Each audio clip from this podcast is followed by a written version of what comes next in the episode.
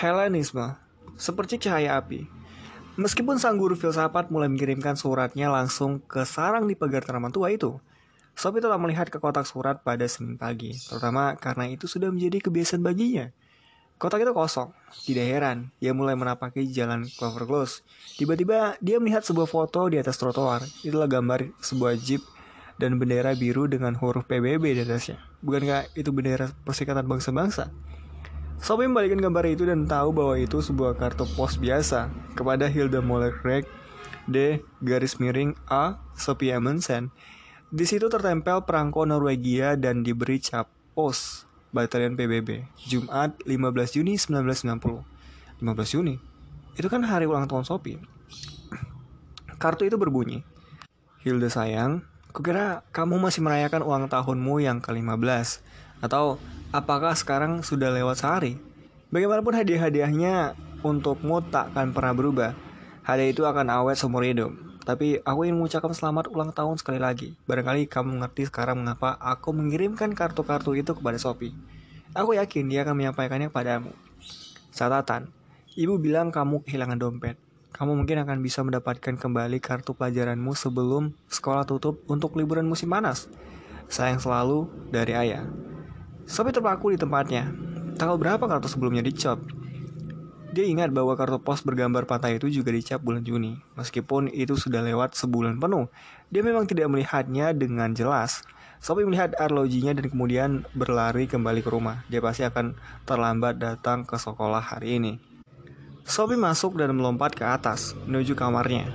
Dia mencari kartu pos pertama untuk Hilda di bawah selendang sutra merah. Ya, kartu pos itu juga dicap tanggal 15 Juni, hari ulang tahun Sophie, dan di hari sebelumnya, libur musim panas.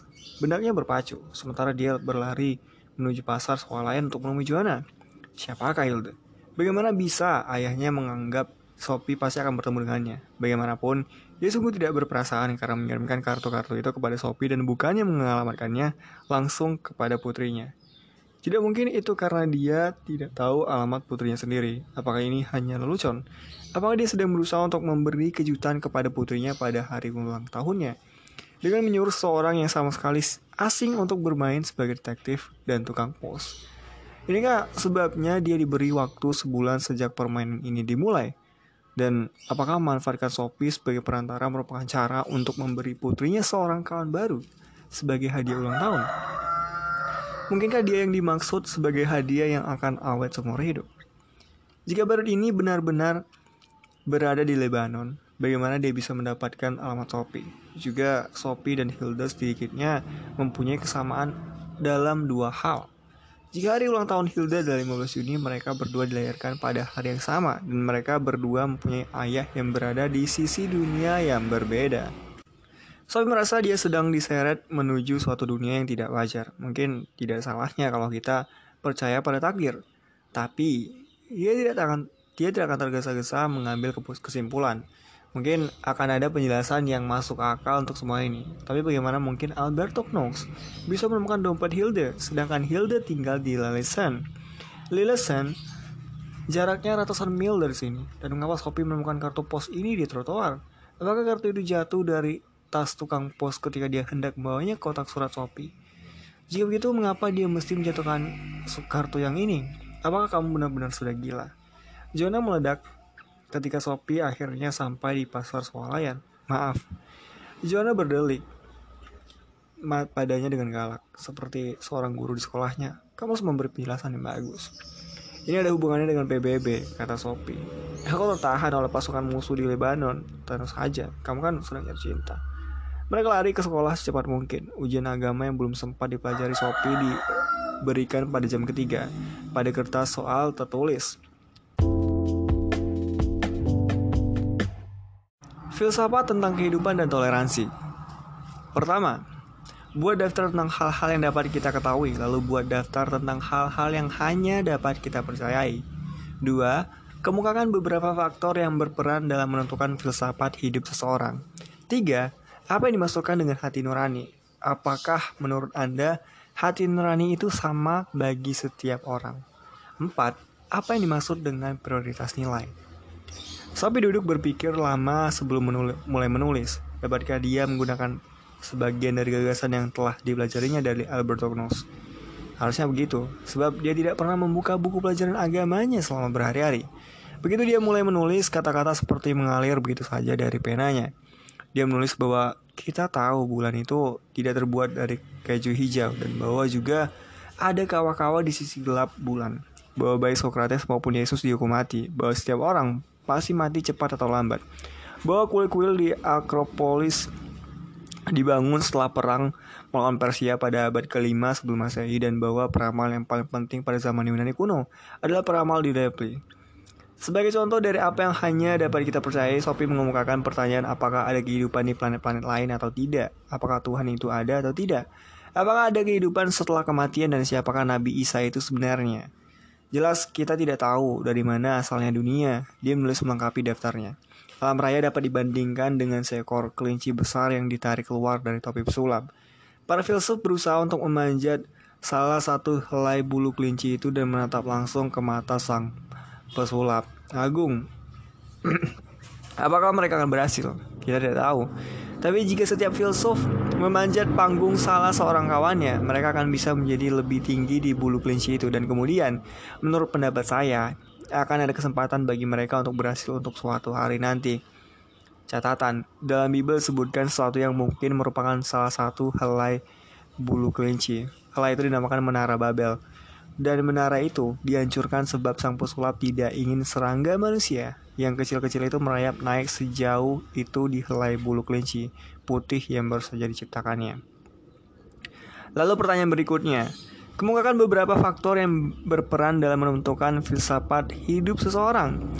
Pendidikan dan lingkungan sangat penting di sini. Orang yang hidup pada zaman Plato mempunyai filosofi hidup yang berbeda dari yang dianut orang-orang pada zaman sekarang, sebab mereka hidup pada zaman yang berbeda dan dalam lingkungan yang berbeda pula.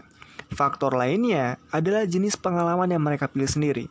Akal sehat tidak ditentukan oleh lingkungan. Setiap orang memilikinya. Mungkin orang dapat menyejarkan lingkungan dan situasi sosial dengan kondisi yang ada jauh di dalam gua Plato. Dengan menggunakan kecerdasan mereka, setiap individu dapat mulai menyeret diri mereka setiap keluar dari kegelapan. Tapi perjalanan semacam itu membutuhkan keberanian pribadi. Socrates adalah contoh bagus tentang seseorang yang berusaha untuk membebaskan diri dari pandangan-pandangan yang umum berlaku pada zamannya dengan memanfaatkan kecerdasannya sendiri. Akhirnya, dia menulis belakangan ini orang-orang dari berbagai negara dan kebudayaan yang semakin bercampur dan membaur orang Kristen, Muslim, Buddha mungkin tinggal dalam sebuah bangunan apartemen yang sama. Dalam hal itu adalah lebih penting untuk menerima kepercayaan masing-masing daripada menanyakan mengapa setiap orang tidak mempercayai hal yang sama. Lumayan pikir Sopi. Dia merasa telah dapat menjawab sebagian soal-soal itu dengan apa yang telah dipelajarinya dari sang guru filsafat. Dan dia dapat selalu melengkapinya dengan tambahan dari pemikirannya sendiri atau dari apa yang mungkin pernah dibaca atau didengarnya di tempat lain. Dia memusatkan perhatian pada pertanyaan ketiga.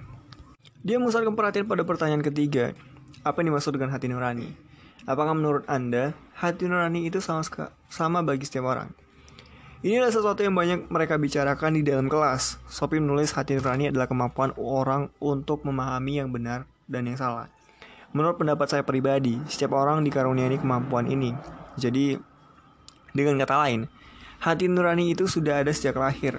Socrates pasti juga akan mengatakan begitu, tapi apa yang disuarakan oleh hati nurani dapat bervariasi dari satu orang ke orang lain.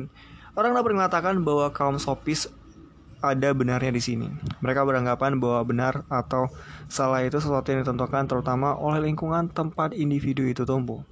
Socrates sebaliknya, percaya bahwa hati nurani itu sama bagi setiap orang barangkali pendapat itu sama-sama benar. Mungkin tidak semua orang merasa bersalah jika bertelanjang di depan umum, tapi semua orang sepakat bahwa menyiksa orang lain dengan kejam bertentangan dengan suara hati nurani. Tapi harus diingat bahwa memiliki hati nurani itu tidak sama dengan menggunakannya. Kadang-kadang kelihatannya seorang bertindak tanpa mengindahkan moral.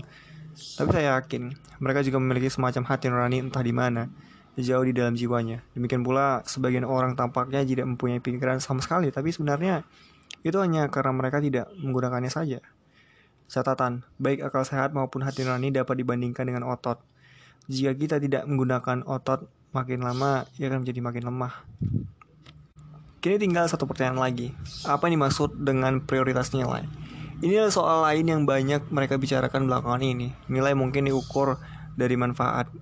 Misalnya, mungkin sangat bernilai jika kita menyetir mobil dan saya dapat sampai dengan cepat dari satu tempat ke tempat lain. Tapi jika itu mengakibatkan penebangan hutan dan pencemaran lingkungan, di sini kita menghadapi pilihan nilai.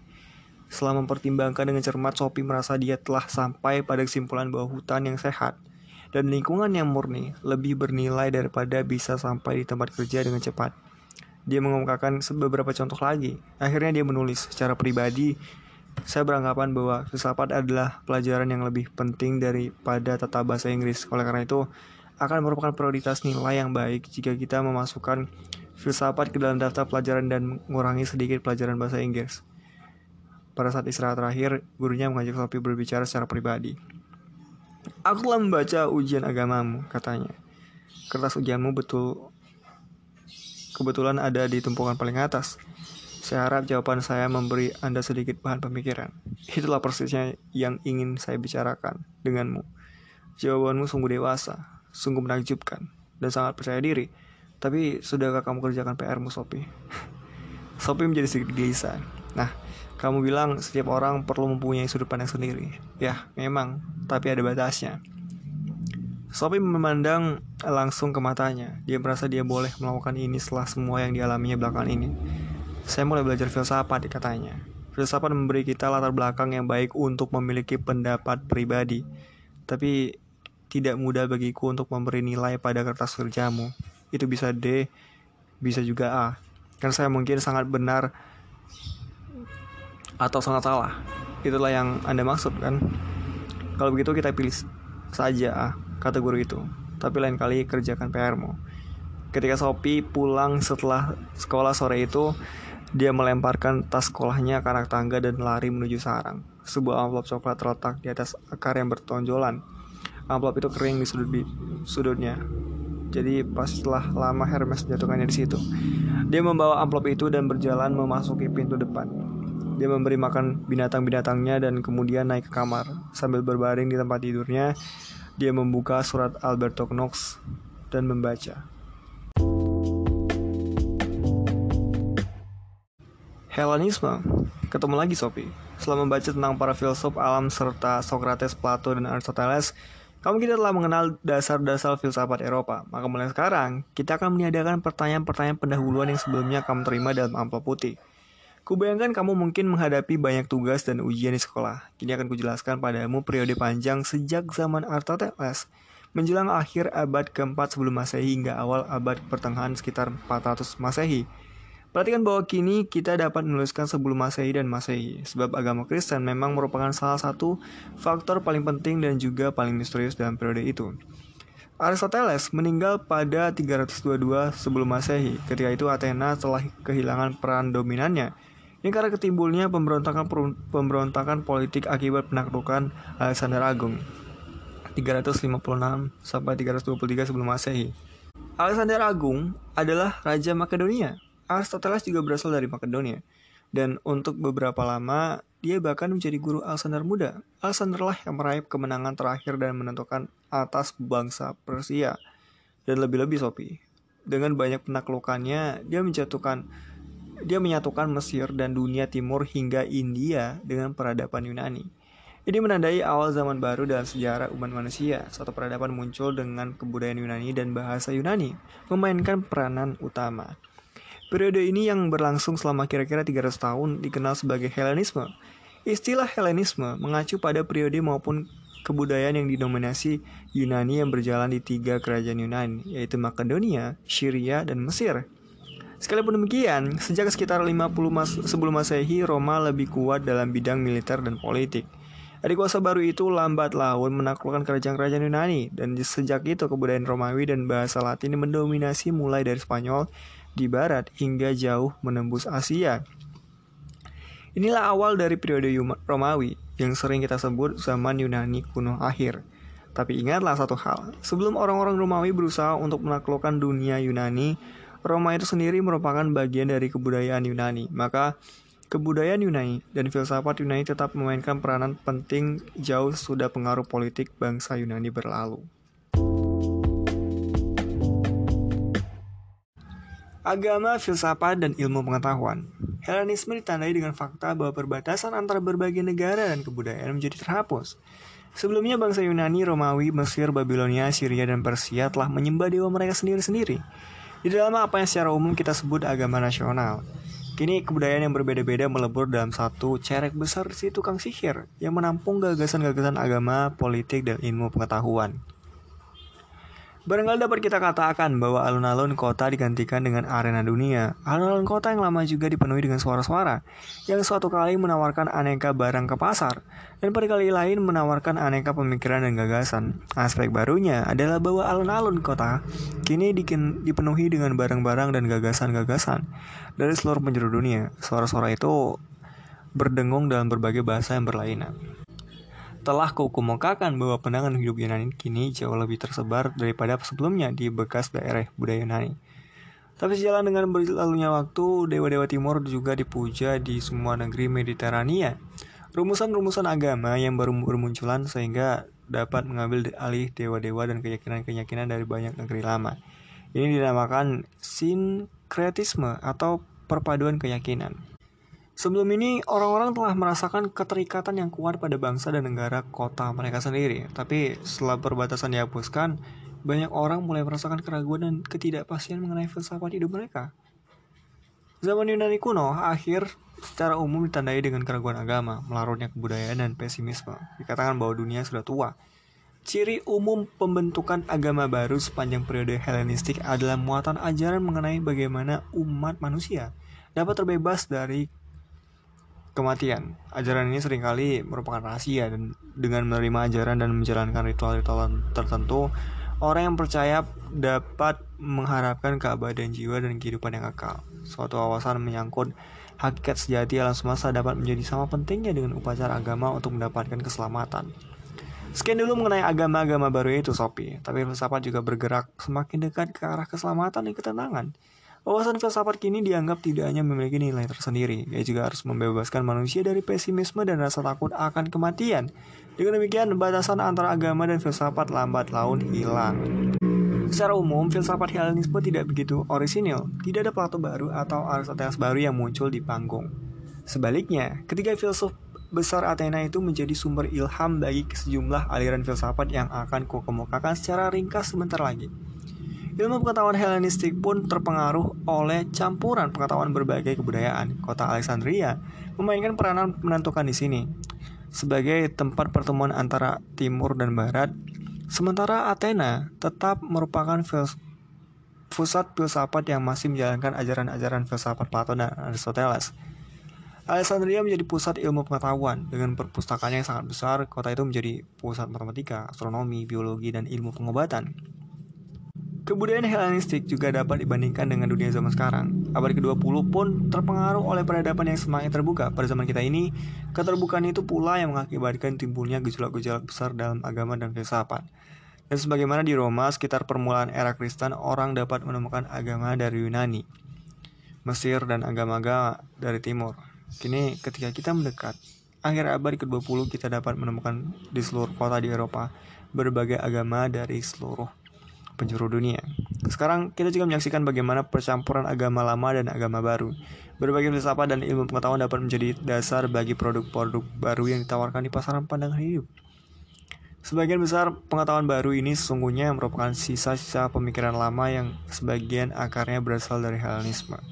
Seperti yang pernah aku katakan, filsafat Helenistik selalu berusaha untuk mengatasi masalah-masalah yang dikemukakan oleh Socrates, Plato, dan Aristoteles. Ciri umum yang ada pada semua filsafat tersebut adalah hasrat untuk mengetahui cara terbaik bagi manusia dalam menjalani kehidupan dan kematian. Semuanya berbicara tentang etika. Dalam peradaban baru, inilah proyek filsafat yang utama. Tekanan terbesar diberikan pada upaya menemukan Apakah kebahagiaan sejati itu dan bagaimana mencapainya? Kita akan mengenal empat aliran filsafat ini. Kaum sinis Konon suatu hari Socrates sedang berdiri menantuk sebuah kedai yang menjual segala macam barang. Akhirnya dia berkata, Betapa banyak benda yang tidak kuperlukan. Pernyataan ini bisa jadi merupakan moto aliran filsafat sinis yang didirikan oleh Antisthenes di Athena sekitar 400 sebelum Masehi dan Antisthenes pernah menjadi murid Socrates dan sangat tertarik pada kesederhanaannya. Kaum sinis menekankan bahwa kebahagiaan sejati tidak terdapat dalam kelebihan lahiriah, seperti kemewahan materi, kuasa politik, atau kesehatan yang baik. Kebahagiaan sejati terletak pada ketidaktergantungan pada segala sesuatu yang acak dan mengambang. Dan karena kebahagiaan tidak terletak pada keuntungan-keuntungan semacam ini, semua orang dapat meraihnya. Lebih-lebih, begitu berhasil diraih, ia tidak akan pernah lepas lagi. Kaum sinis yang paling terkenal adalah Diogenes, seorang murid Antisthenes yang konon hidup dalam sebuah tong dan tidak memiliki apa pun kecuali sebuah mantel, tongkat, dan kantong roti. Maka tidak mudah mencuri kebahagiaan darinya. Suatu hari, ketika sedang duduk di samping tongnya menikmati cahaya matahari, dia dikunjungi oleh Alexander Agung. Sang Maharaja berdiri di hadapannya dan bertanya apakah dia dapat melakukan sesuatu untuk membantu Diogenes. Ada sesuatu yang diinginkannya? Ya, Diogenes menjawab, bergeserlah ke samping. Anda menghalangi matahari. matahari. Dengan demikian, Diogenes membuktikan bahwa dia tidak kalah bahagia dan kaya dibandingkan dengan pria agung di hadapannya. Dia telah memiliki semua yang diinginkannya. Kaum sinis percaya bahwa orang tidak perlu memikirkan kesehatan diri mereka. Bahkan penderitaan dan kematian tidak boleh mengganggu mereka. Pun, mereka tidak boleh membiarkan diri tersiksa karena memikirkan kesengsaraan orang lain. Kini istilah sinis dan sinisme berarti ketidakpercayaan yang mengandung cemooh pada ketulusan manusia. Dan kedua istilah itu menunjukkan ketidakpekaan terhadap penderitaan orang lain. Kaum Stoik Kaum sinis ikut membantu perkembangan aliran filsafat stoik yang muncul di Athena sekitar 300 sebelum masehi. Pendirinya adalah Zeno, yang aslinya berasal dari si Pyrrhus dan bergabung dengan kaum sinis di Athena setelah kapalnya karam. Dia sering mengumpulkan para mengikutnya di bawah serambi. Nama stoik berasal dari kata Yunani yang berarti serambi, stoa. Stoikisme di kemudian hari mempunyai pengaruh besar pada kebudayaan Romawi seperti Heraklitus, kaum Stoik percaya bahwa setiap orang adalah bagian dari satu akal atau logos yang sama. Mereka beranggapan bahwa setiap orang adalah seperti sebuah dunia miniatur atau mikrokosmos yang merupakan cerminan makrokosmos. Ini mendorong pada pemikirannya bahwa ada sesuatu kebenaran universal yang dinamakan hukum alam. Dan karena hukum alam ini didasarkan pada akal manusia yang abadi dan universal, ia tidak berubah sejalan dengan berlalunya waktu dan berpindahnya tempat. Jadi, dalam hal ini, kaum Stoik berpihak kepada Socrates yang bertentangan dengan kaum Sopis. Hukum alam mengatur seluruh umat manusia, bahkan para budak. Kaum Stoik menganggap ketentuan undang-undang dari berbagai negara hanyalah tiluran. Tiruan tidak sempurna dari hukum yang tertanam pada alam itu sendiri. Sebagaimana kaum Stoik menghapuskan perbedaan antara individu dalam alam raya, mereka pun menyangkal adanya pertentangan antara ruh dan materi. Hanya ada satu alam, mereka menegaskan. Gagasan semacam ini disebut monoisme, berkebalikan dengan dualisme atau realitas ganda dari Plato. Sebagai anak-anak zaman mereka yang sejati, kaum Stoik benar-benar kosmopolitan, dalam pengertian bahwa mereka lebih mudah menerima kebudayaan kontemporer dibandingkan dengan para filsuf Tong, kaum sinis.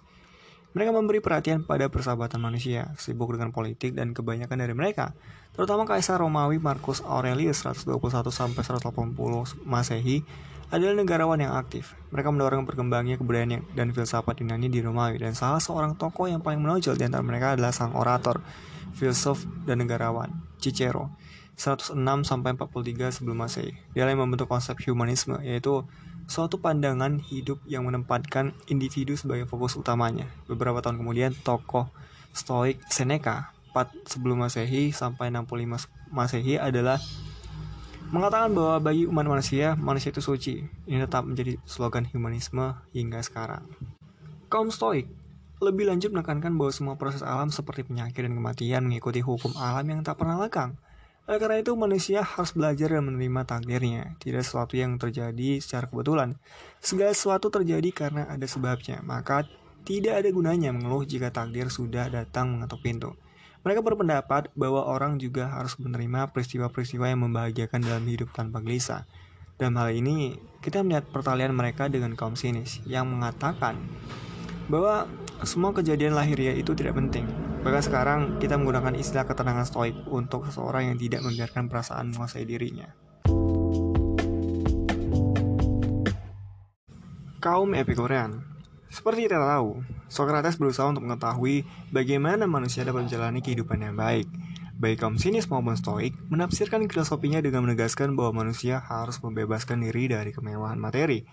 Tapi Socrates juga mempunyai seorang murid bernama Aristippus. Dia percaya bahwa tujuan hidup adalah meraih kenikmatan indriawi setinggi mungkin. kebaikan tertinggi adalah kenikmatan katanya. Kejahatan tertinggi adalah penderitaan. Maka, dia ingin mengembangkan suatu cara hidup yang tujuannya adalah menghindari penderitaan dalam segala bentuknya. Kaum sinis dan stoik percaya pada usaha untuk menahan segala bentuk penderitaan yang tidak sama dengan usaha untuk menghindari kesakitan. Sekitar 300 sebelum Masehi, Epicurus 341 sampai 270 sebelum Masehi mendirikan suatu aliran filsafat di Athena. Para pengikutnya dinamakan kaum Epikurean. Dia mengembangkan etika kenikmatan Aristippus dan menggabungkannya dengan teori atom Demokritus. Konon, kaum Epikurean hidup di taman. Oleh karena itu, mereka dikenal sebagai para filsuf taman. Di atas pintu masuk ke taman ini katanya digantungkan sebuah pengumuman yang berbunyi, Orang asing, di sini kalian akan hidup senang. Di sini kenikmatan adalah kebaikan tertinggi. Epicurus menekankan bahwa hasil-hasil yang menyenangkan dari suatu tindakan harus selalu mempertimbangkan efek samping yang mungkin ditimbulkannya. Jika kamu pernah pesta permen coklat, kamu tentu tahu maksudku. Jika belum pernah, cobalah ini. Ambil seluruh tabungan uang sakumu dan beli coklat seharga 200 kron. Anggap saja kamu suka coklat.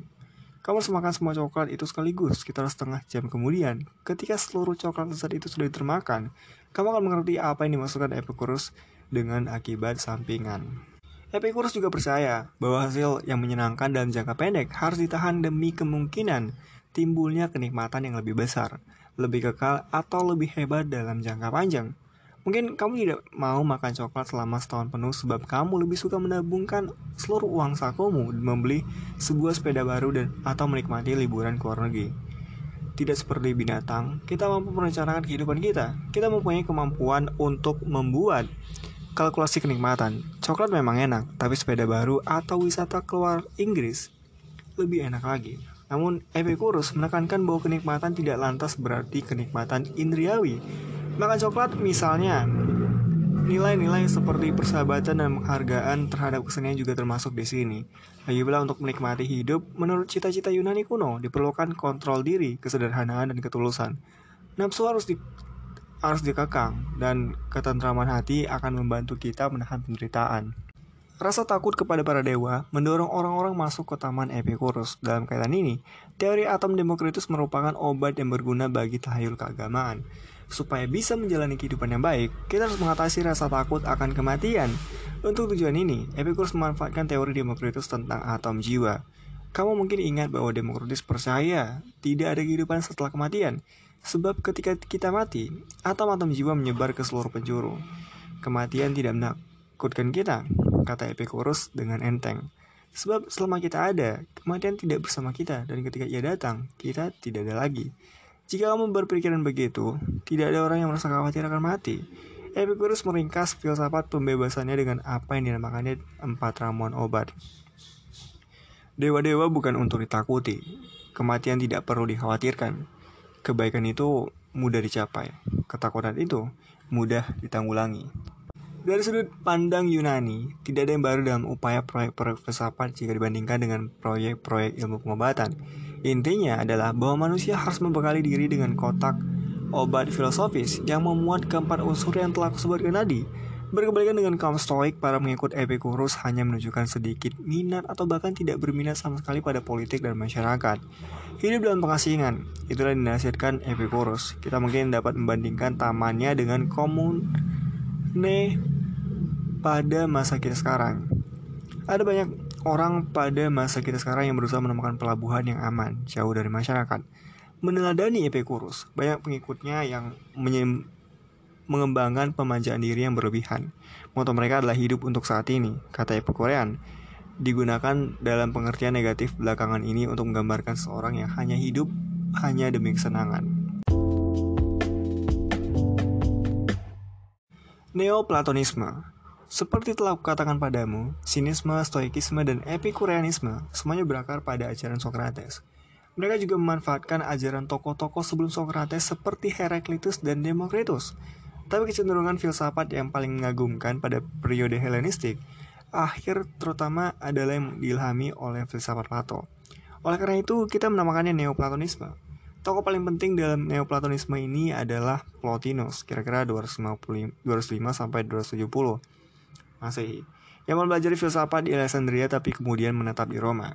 Menarik untuk dicatat bahwa dia berasal dari Alexandria, kota yang menjadi titik temu utama filsafat Yunani dan mistisme timur selama berabad-abad. Plotinus membawa ke Roma suatu doktrin keselamatan yang bersaing keras dengan ajaran Kristen. Namun, Neoplatonisme juga memberi pengaruh kuat dalam aliran utama teologi Kristen. Ingatlah doktrin Plato tentang ide, Sopi. Dan cara dia membedakan antara dunia ide dan dunia indera. Ini berarti menetapkan perbedaan tajam antara jiwa dan raga. Oleh karena itu manusia menjadi makhluk ganda. Raga kita terdiri dari tanah dan debu seperti semua yang lain di dunia indera. Tapi kita juga memiliki jiwa yang kekal. Ini dipercaya oleh kebanyakan orang Yunani jauh sebelum Plato. Plotinus juga sudah mengenal gagasan yang sama dari Asia, Plotinus percaya bahwa dunia terentang antara dua kutub. Di ujung yang satu adalah cahaya ilahi yang dinamakannya yang Esa, kadang-kadang dia menyebutnya Tuhan. Ujung yang satunya lagi adalah kegelapan mutlak yang tidak menerima cahaya dari yang Esa. Tapi maksud Plotinus adalah bahwa kegelapan ini sungguhnya tidak ada. Ia hanyalah ketiadaan cahaya dengan kata lain. Ia tidak ada. Yang ada hanyalah Tuhan atau yang Esa. Tapi sebagaimana suatu cahaya semakin lama semakin kecil dan akhirnya lenyap. Di suatu tempat ada suatu titik yang di dalamnya cahaya ilahi tidak sampai masuk. Menurut Plotinus, jiwa disinari oleh cahaya dari yang esa, sementara materi adalah kegelapan yang tidak mempunyai keberadaan yang nyata. Tapi, bentuk-bentuk di alam ini mendapatkan sedikit cahaya dari yang esa. Bayangkan sebuah api unggun yang menyala pada malam hari. Dari situ percikan-percikan api terbang ke segala penjuru. Dalam radius yang cukup luas, api unggun itu membuat malam tampak bagaikan siang. Cahaya api itu dapat dilihat bahkan dari jauh rak beberapa mil. Jika berjalan menjauh, kita dapat melihat percikan cahaya seperti lentera dari kejauhan di tengah kegelapan. Dan jika kita berjalan semakin jauh, pada suatu titik cahaya itu tidak dapat lagi mencapai kita. Di suatu tempat, cahaya itu lenyap di telan malam, dan jika sudah benar-benar gelap, kita tidak dapat melihat apa-apa. Kita tidak ada bentuk maupun bayangan. Bayangkan sekarang bahwa realitas adalah api unggun seperti ini. Sesuatu yang menyala itu adalah Tuhan, dan kegelapan di luarnya adalah materi dingin yang darinya manusia dan binatang tercipta. Yang paling dekat dengan Tuhan adalah gagasan-gagasan kekal yang merupakan bentuk pertama dari semua makhluk. Jiwa manusia sebenarnya adalah seperti cahaya, namun di seluruh penjuru alam sebagian dari cahaya ilahi ikut memancar. Kita dapat melihatnya pada semua makhluk hidup, bahkan sekuntum bunga mawar juga mendapatkan cahaya ilahi. Yang paling jauh dari Tuhan yang hidup adalah tanah dan air serta batu. Maksudku, segala sesuatu menyimpan seperti misteri ilahi. Kita melihatnya berkilau dalam sekuntum bunga matahari ataupun bunga melati. Kita semakin merasakan misteri yang tak terselami ini pada seekor kupu-kupu yang terbang dari satu dahan ke dahan lain, atau pada seekor ikan mas yang berenang dalam sebuah mangkuk. Tapi yang paling dekat dengan Tuhan adalah jiwa kita. Hanya di sana kita dapat menjadi suatu dengan misteri besar kehidupan. Sungguhnya jarang sekali kita menyadari bahwa kita sendirilah misteri itu. Kiasan Plotinus agak mirip dengan mitos Plato tentang gua. Semakin dekat kita pada mulut gua, semakin dekat juga kita pada asal semua eksistensi. Tapi berkebalikan dengan realitas ganda dari Plato, doktrin Plotinus dicirikan oleh pengalaman tentang kesatuan. Segala sesuatu itu satu, sebab segala sesuatu berasal dari Tuhan. Bayang-bayang jauh di dalam gua, Plato pun mengandung pijaran lemah dari Yang Esa. Dalam beberapa kesempatan yang langka dalam hidupnya, Plotinus mengalami penyatuan antara jiwanya dan Tuhan. Kita biasa menyebut ini pengalaman mistik. Bukan Plotinus saja yang mendapatkan pengalaman itu, banyak orang telah menceritakan hal-hal semacam itu sepanjang masa dalam semua kebudayaan. Perinciannya mungkin berbeda, tapi ciri-ciri pokoknya sama. Mari kita lihat beberapa ciri-ciri ini.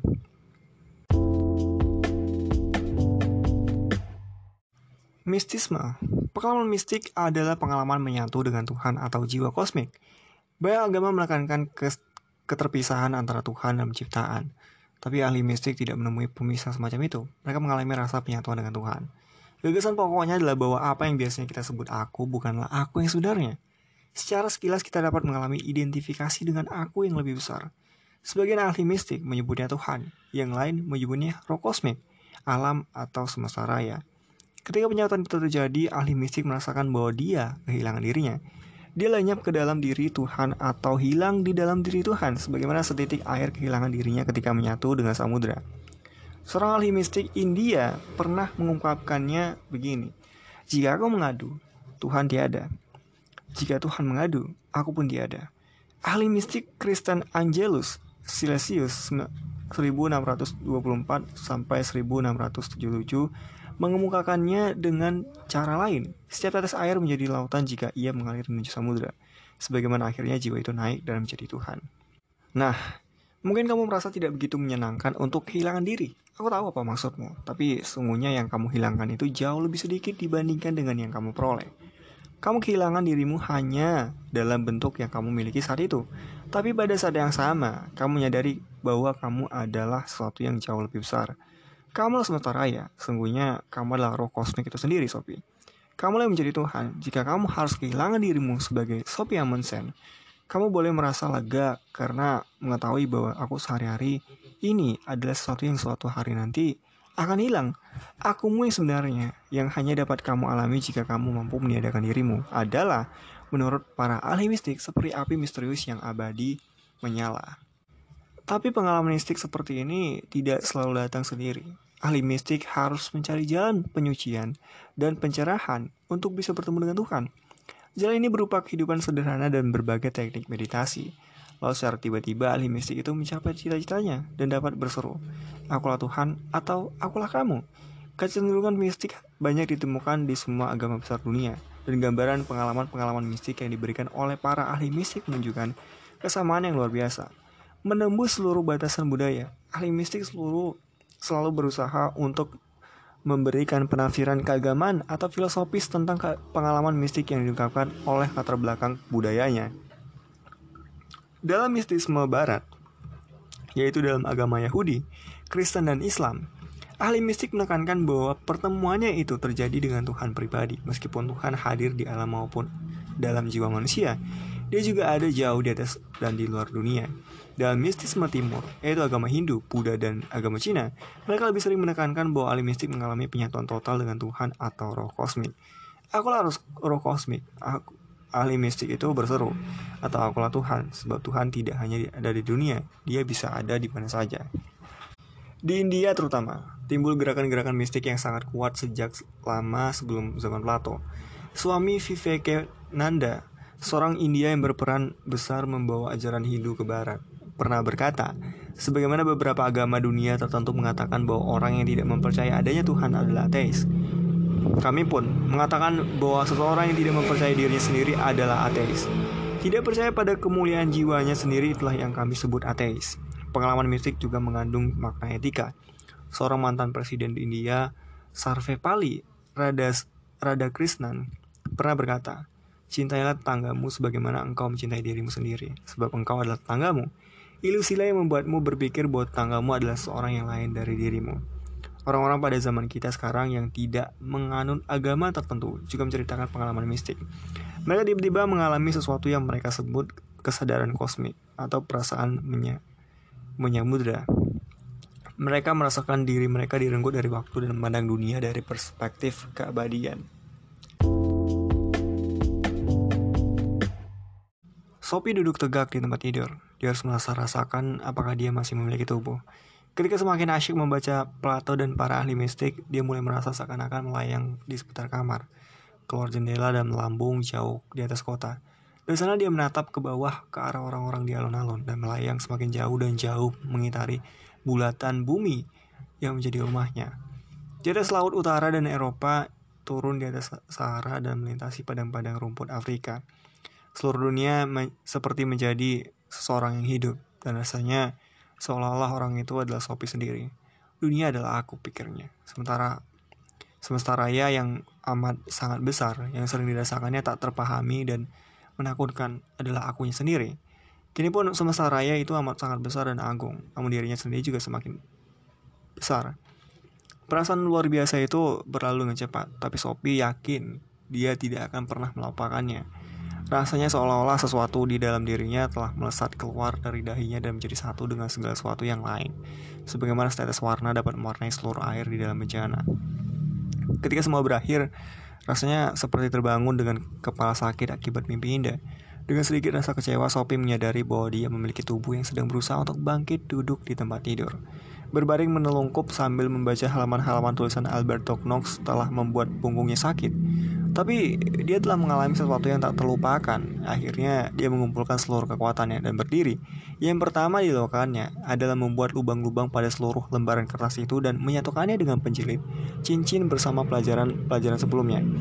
Lalu dia pergi ke taman. Burung-burung bernyanyi seakan-akan dunia baru saja lahir. Dedaunan hijau pucat dari pohon birkin di balik kandang-kandang kelinci begitu jelasnya. Sehingga sepertinya sang pencipta belum selesai mencampur warna. Mereka dia benar-benar percaya bahwa segala sesuatu adalah aku ilahi yang satu. Mereka dia percaya bahwa dia membawa serta dalam dirinya suatu jiwa yang merupakan seperti cahaya. Jika itu benar, sungguhnya dia, ada dia adalah makhluk ilahiyah.